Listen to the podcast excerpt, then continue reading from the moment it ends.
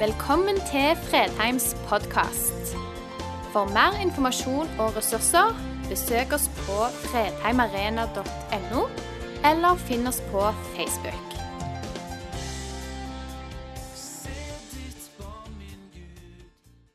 Jeg vet ikke om dere ble skremt av Anne Lede sin innledning.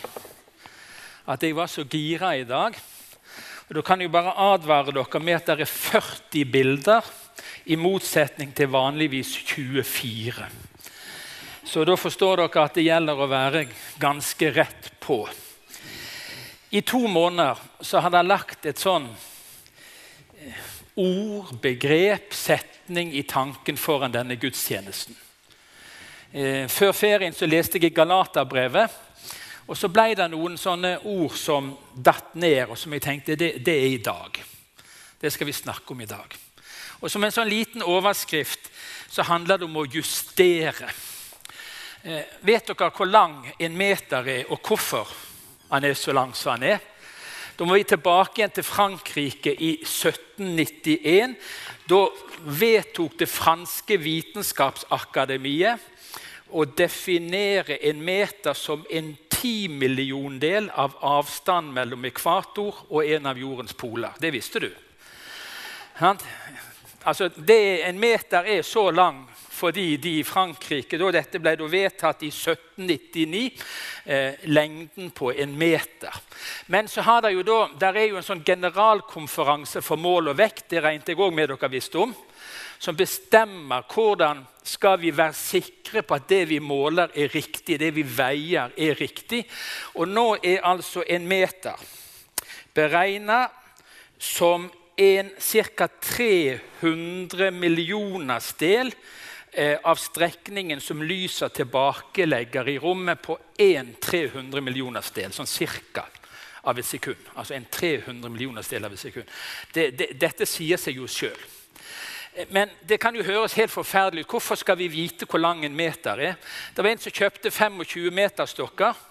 og Så målte han de. Tror dere de var helt like? Er det noen som tør å Det var overraskende likt, syns han, men det skilte noen millimeter på noen av disse metermålene. Og Det betyr veldig veldig lite når du skal måle en meter.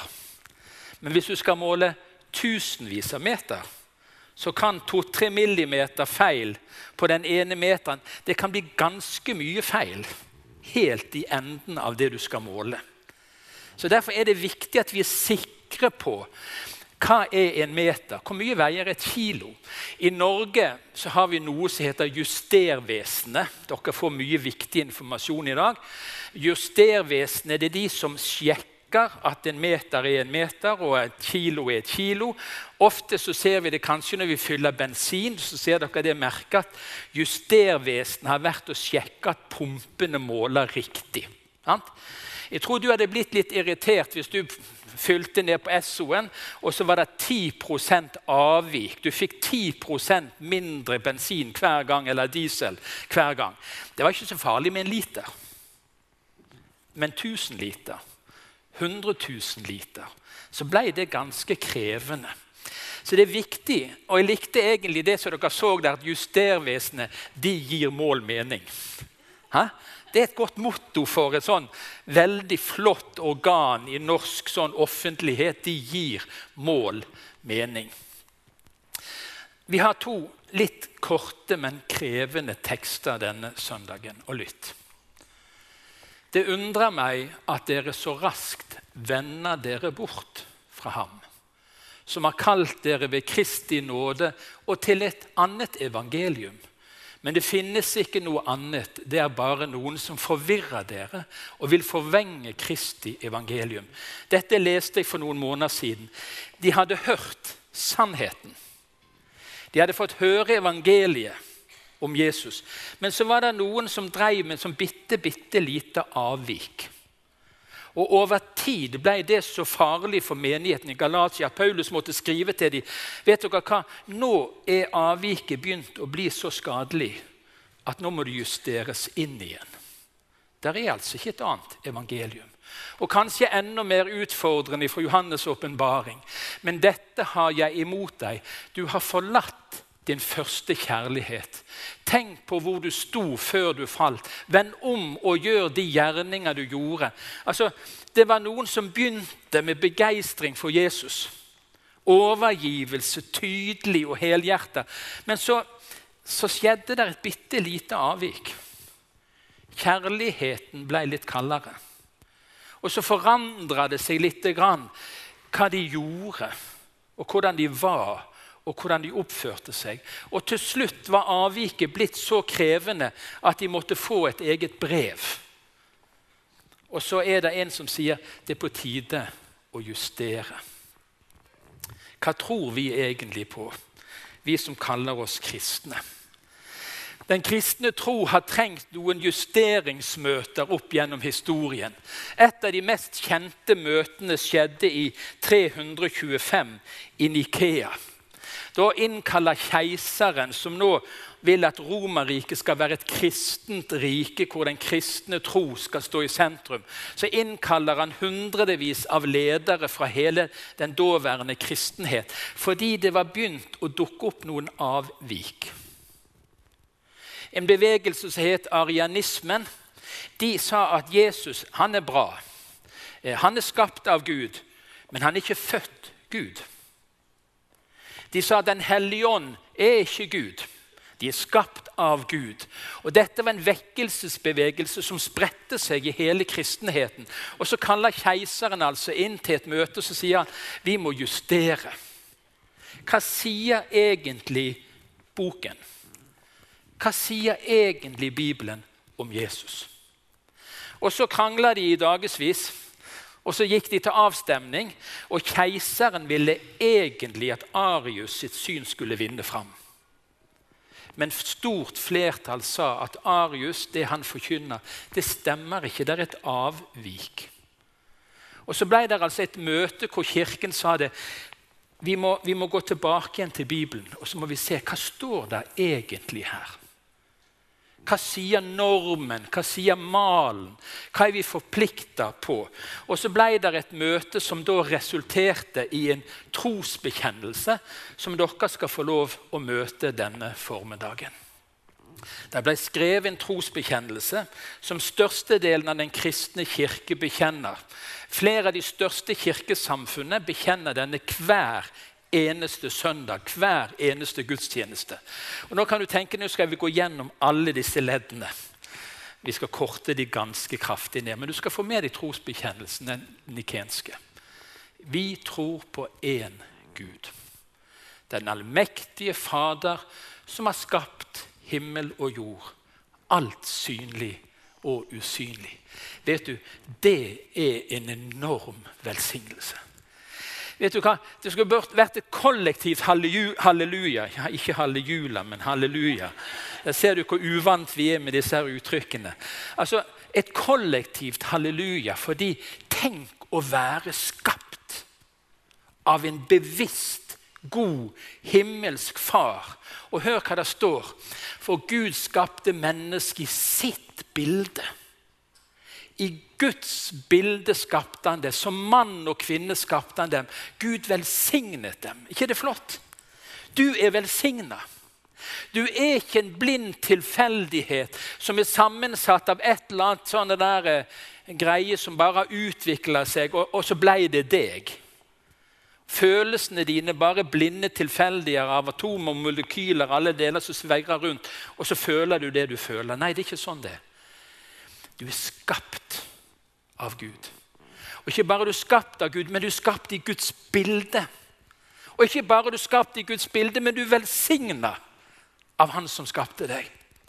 Og ikke bare det, men det står 'Dine øyne så meg da jeg var et foster'. Kan du tenke deg en sånn skaper som har fulgt deg fra du var på et lite frø i din mors liv? Og alle dine dager er talt av opp før en av de var kommet til virkelighet. Vet du hva? Vil, vil, vil du heller være en blind tilfeldighet? Eller vil du være å ta imot at du er skapt enestående i Guds bilde med en uendelig verdi? Du er skapt enestående, i Guds bilde med en uendelig verdi. Der er ingen som deg. Du er unik. Og du er elska fra før du så dagens lys. Så så Gud deg og telte alle dine dager. Det er en fantastisk velsignelse. Men så er det en enorm utfordring. Petter Dass han forsto litt av det. Gud er Gud om alle land lå øde. Gud er Gud om alle mann var døde. Om slekter svimla blant stjernestimler, i høye himler utallig vrimla Guds grøde. Dette er Bibelens gudsbilde. Gud er Gud uansett. Du kan avsette han i ditt liv, men han blir ikke avsatt som den som har skapt og holder alt oppe uansett. Du kan fornekte han, du kan la være å tro på han, men Gud forandrer seg ikke om vi tror på han eller ikke. Gud endrer seg ikke. Om vi skriver om hele Skriften, så hjelper ikke det. Gud forandrer seg ikke. For Gud er Gud. Uansett. Og vet du hva? Det er befriende. At Gud er den konstante, uforanderlige. Som du kan få være trygg på elsker deg gjennom alle tider. Uansett. Gud er Gud. Men så er det ganske utfordrende. De ropte til hverandre. Hellig, hellig, hellig er Herren Sebaot. Den Gud som vi tror på, han er ikke bare en sånn som vi ofte tror, en sånn snill bestefar med langt, hvit skjegg som sitter der oppe som en julenisse og strør ut et eller annet sånn, alt etter hvor snille og greie vi er. Det, det er ikke sånn Bibelens Gud er. Gud er hellig, står der. Det er ganske alvorlig. For vi er ikke sånn i vår natur at vi er hellige. Uten synd, uten svik. Gud er en hellig Gud. Og Det andre Bibelen sier i dette samme avsnittet 'Mine øyne sett kongen', sier Jesajas. Det er ute med meg. Jeg har ikke kjangs. Hvis Gud er den Gud som Bibelen sier, hvis Gud er hellig Jeg har ikke noe å stille opp med. Jeg er redningsløst fortapt i møte med en sånn Gud. Det er ganske skremmende at Gud er sånn, er hellig. Og Så kommer Jesus og så underviser han om sin far, om Gud. Så sier han ingen kan tjene to herrer.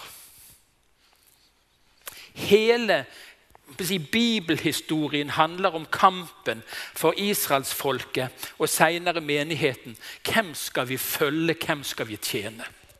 Israelsfolket flytta inn i et land som fløyt av melk og honning. og Drueklasene var så store at de måtte være flere mann for å bære det.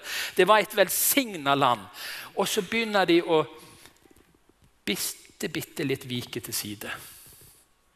Så tar de til seg litt av de folkene sine Guds tanker som bodde der fra før. Og så er ikke det nok med tempelet for den ene Gud eller alteret for den ene Gud. Vi må sikre oss vi har en liten Gud ved siden av i tillegg. For det kan jo hende at de som bodde her før, visste litt om Gud, de òg. Og så er det et bitte lite avvik som etter hvert førte til at hele folket tilba andre guder. Og Gud måtte sende dommere. Gud måtte gripe inn. For det der lille, lille avviket som begynte så lite, det utvikla seg over tid. Og så måtte det justeres. Og jeg tror at noen av oss har områder i vårt liv hvor vi har tillatt et bitte lite avvik. Har noen sånne pauseområder. Og det ser så lite ut. Men over tid så kan det ende med at vi prøver å tjene to herrer. Og det går ikke, sier Bibelen. Han vil hate den ene og elske den andre, eller holde seg til den ene og frakte den andre. Dere kan ikke tjene både Gud Og så kommer det fortærende, irriterende ordet mammon. Ja da, kollekten er tatt nå, så nå forstår dere at dette er ikke en kollekttale. Men hvem av oss kan si med bånd ærlige hjerter at ikke vi rett som det er, tjener mammon. Tilber mammon. Pengene, luksusen, den friheten som vårt samfunn har velsignet oss med mer enn alle andre samfunn nesten i denne verden. Og så, Jo, men jeg gir jo, jeg gir jo litt òg. Ja, vi gir jo litt òg. Men tenk litt etter. Kan det hende at du Jeg må innrømme for min egen del. Jeg har områder hvor Gud i disse månedene har minnet meg på Runa. Det er noen små sånne pauseknapper du har satt på der. Det er på tide å justere det inn. Kanskje du òg har noen sånne områder i ditt liv. Jeg tror på Jesus Kristus. Og Dette er den lange delen av denne trosbekjennelsen fra Nikea. Vi tror på én Herre. Jesus Kristus, Guds enbårne sønn, født av Faderen fra evighet. Gud av Gud, lys av lys, sann Gud. Eh, sann Gud av sann Gud, født, ikke skapt av samme vesen som Faderen. Ved ham er alt blitt skapt for oss mennesker og til vår frelse steg han ned fra himmelen. Han er blitt kjød ved Den hellige ånd av jomfru Maria og er blitt menneske. Han ble korsfestet for oss pint under Pontius Pilatus og gravlagt. Han oppsto den tredje dagen etter Skriftene, for opp til himmelen og sitter ved Faderens høyre hånd. Han skal komme igjen med herlighet og dømme levende og døde. På hans rike skal det ikke være ende. For en velsignelse det er å tro på Jesus Kristus. Ja, Hvorfor er det det? Hør. Det er ingen fordømmelse for den som er i Kristus Jesus. All skyld, all skam, all fordømmelse tok Jesus med seg på korset når han døde og gjorde opp for alle mennesker for alle tider. Du trenger ikke bære på et milligram av skam eller skyld. Det er ingen fordømmelse for den som er i Kristus Jesus. Flott å få lov å tro på Han. Og videre Velsignet er Gud, vår Herre Jesu Kristi Far. Han som i Kristus har velsignet oss med all åndens velsignelse i himmelen. Hvor mye er du velsigna, du som er på Fredheim i dag og kjenner Jesus? Kan dere lese det høyt? Dere er velsigna med Er det noe mer? Tror du du kan få mer? Én ting er at vi kan pakke det opp. Mye av det ligger skjult for oss, ikke tatt i bruk hos oss. Vi har ennå ikke oppdaga rekkevidden av det. Men i utgangspunktet, når du tok imot Jesus, så ga han deg full pakke med en gang. Han velsigner deg med all åndens velsignelse i det du tok imot han. Og så er det en enorm utfordring å følge Jesus og tro på han. Hør hva det står. Det finnes ikke frelse i noen annen. Det er ganske krevende, det. I 2019 å si det er bare én vei til himmelen. Det er Jesus. Sorry. Det er mange flotte mennesker i andre religioner. Det er fantastiske mennesker som tror andre ting enn det vi tror. Og Gud elsker de søndag og sammen. Men veien til himmelen, den går gjennom Jesus. Det er ganske krevende men hold Kristus hellig som Herre i hjertet. Vi eh, er nok mest fortrolig med at Jesus er vår frelser. Jeg tror du mange ganger har takket Gud for det, at jeg får lov å være frelst av nåde. Men det er bare det at Bibelen forteller oss at Jesus ikke bare er frelser, men han er herre. Urkirken betalte med sitt liv for de bekjente ikke bare Jesus som sin frelser, men de sa at han er Kyrios, han er kongen, han er Kristus, han er Herren. Og vi viker ikke. Vi lar det ikke komme inn noe av vik. Og mange av de ble korsfesta, brent til døde, sluppet ut i Colosseum foran villdyr med muligheten til å slippe unna hvis de ville vike litt av til side, men de veik ikke og det koster de livet. Det er ganske tøft at Jesus vil være vår Herre. Og Sånn møtte han folk. Han sa til dem, 'Kom og følg meg'. Hvem følger du? Hvem lytter du til? får du på en måte den friheten, det å følge tett på Jesus. Eller sånn som vi leser om så mange som de veik litt til siden. Bare et lite, bitte lite avvik. Bare en liten retningsforandring. Sånn var det med disse menighetene vi leste om i Johannes' åpenbaring. De begynte så godt. Sånn var det med Galata-menigheten. De begynte så godt, men de tillot et lite avvik. Har du tillatt et avvik i ditt liv som gjør at du kanskje uten å være klar over det nå har kommet litt ut av kurs? Det er et justervesen. Det er dette her. Det er boken. Når Den hellige ånd får lov å levendegjøre det som står her, så justerer vi kursen vår. Vi endrer, kommer tilbake igjen for å leve sånn som vi var kalt til å leve. Jeg tror på Den hellige ånd. Vi tror på Den hellige ånd, Herre og livgiver, som utgår fra Faderen og Sønnen, som med Faderen og Sønnen tilbes og forherliges, og som har talt ved profetene. Vi tror på én hellig, allmenn og apostolisk kirke. Vi bekjenner én dåp til syndenes forlatelse og venter de dødes oppstandelse og det evige liv. Amen. For en velsignelse det å tro på Den hellige ånd. For en velsignelse. Den ånd som Jesus sa, han skal veilede dere til hele sannheten. Du trenger ikke famle i blinde, du trenger ikke famle i mørket. Den hellige ånd vil veilede deg til en trygg, uforanderlig forankra sannhet. Du har fått Den hellige ånd som bor i deg ved troen på Jesus. Den skal veilede deg. Den skal få lov å være en veileder i alle veivalg du tar. Hvor går veien, Jesus? Hvor vil du ha meg? Den hellige ånd skal veilede deg til sannheten. For en velsignelse. Og ikke minst, men dere skal få kraft når Den hellige ånd kommer over dere. Trenger du det? Når får du kraft? Hvor er det kraft å hente? I Den hellige ånd. Når du slipper den til i ditt liv, la den få lov å dominere og fylle opp, så gir den kraft til livet og til tjenesten. Og helt nydelig, sånn som Romerbrevet skriver. Dere har fått Ånden som gir rett til å være Guds barn. Den som gjør at vi roper 'Abba, far'. ikke det nydelig? Tenk å få lov å ha noe inni i seg som sier 'Gud, Gud, du er min far'. Takk og lov. Jeg får lov å tilbe deg, jeg får lov å høre deg til. Jeg får lov å være ditt barn, Gud. Jeg er Kristi arving, og jeg er medarving til himmelen og hele greia.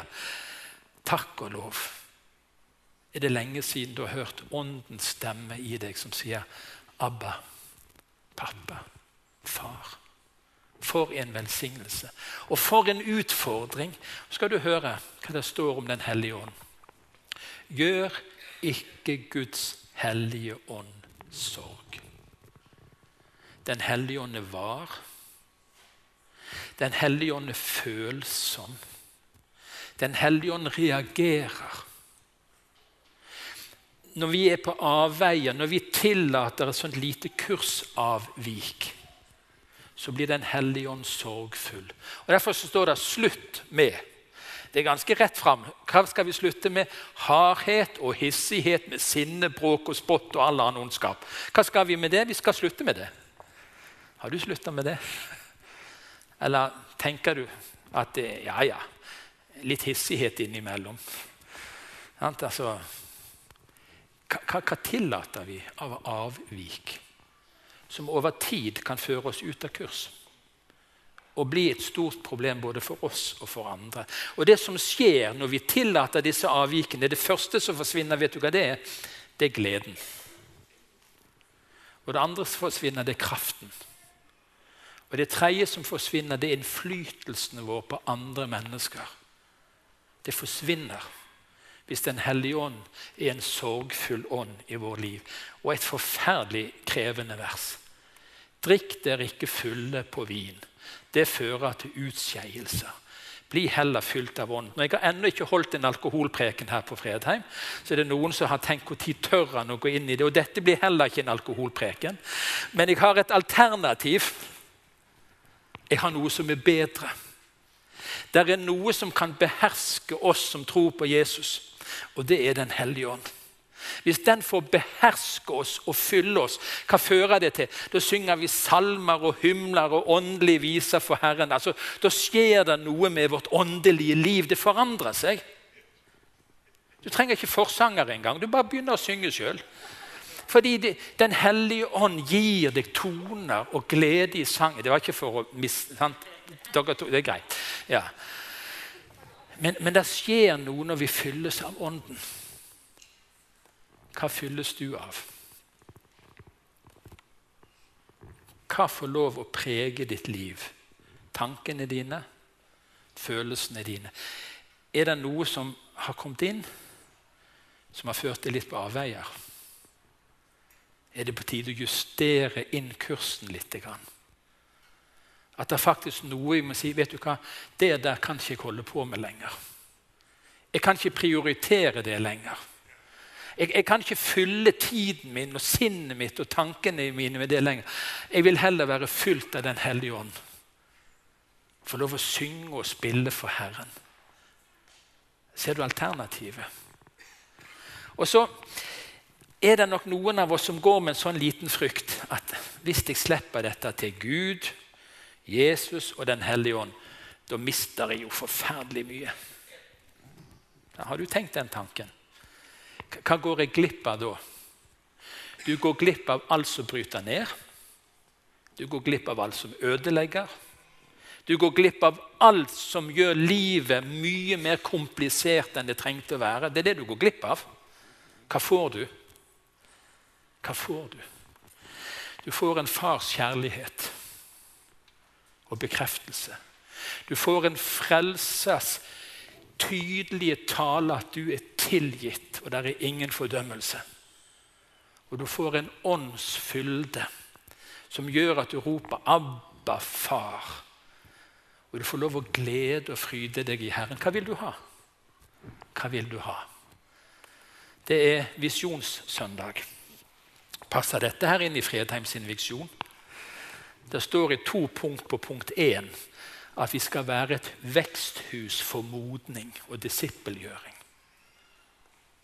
Vil du være en som følger Jesus, så kan det hende at du, sånn som jeg, trenger en liten justering.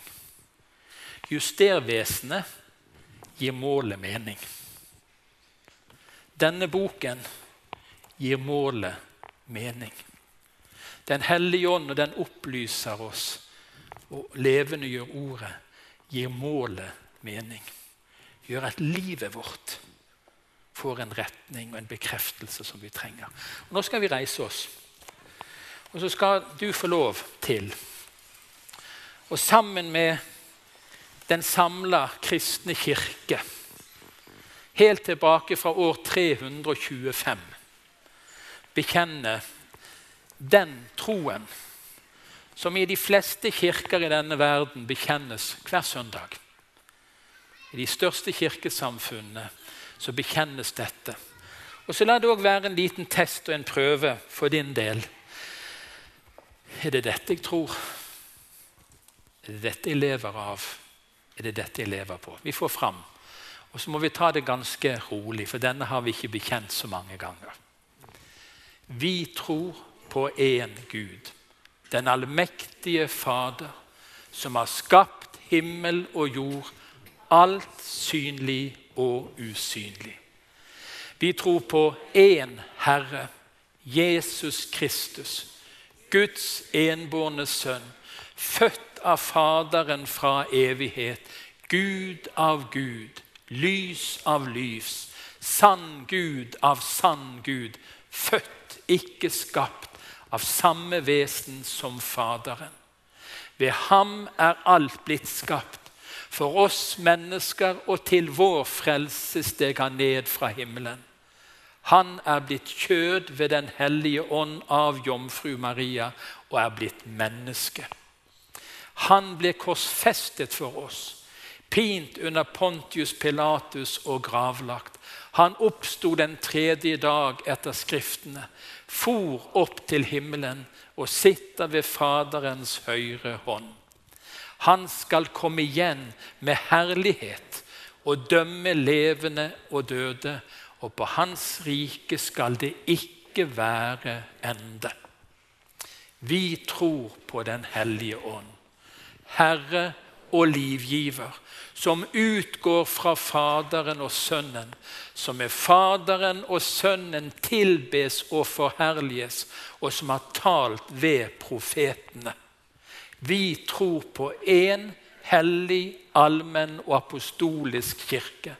Vi bekjenner én dåp til syndenes forlatelse og venter de dødes oppstandelse og det evige liv. Amen. Det det du tror? får en velsignelse og får lov å tro på Faderen, Sønnen og Den hellige ånd. Amen. Takk for at du valgte å høre på. Nye opptak legges ut hver uke. Vi har gudstjenester hver helg, og du er hjertelig velkommen.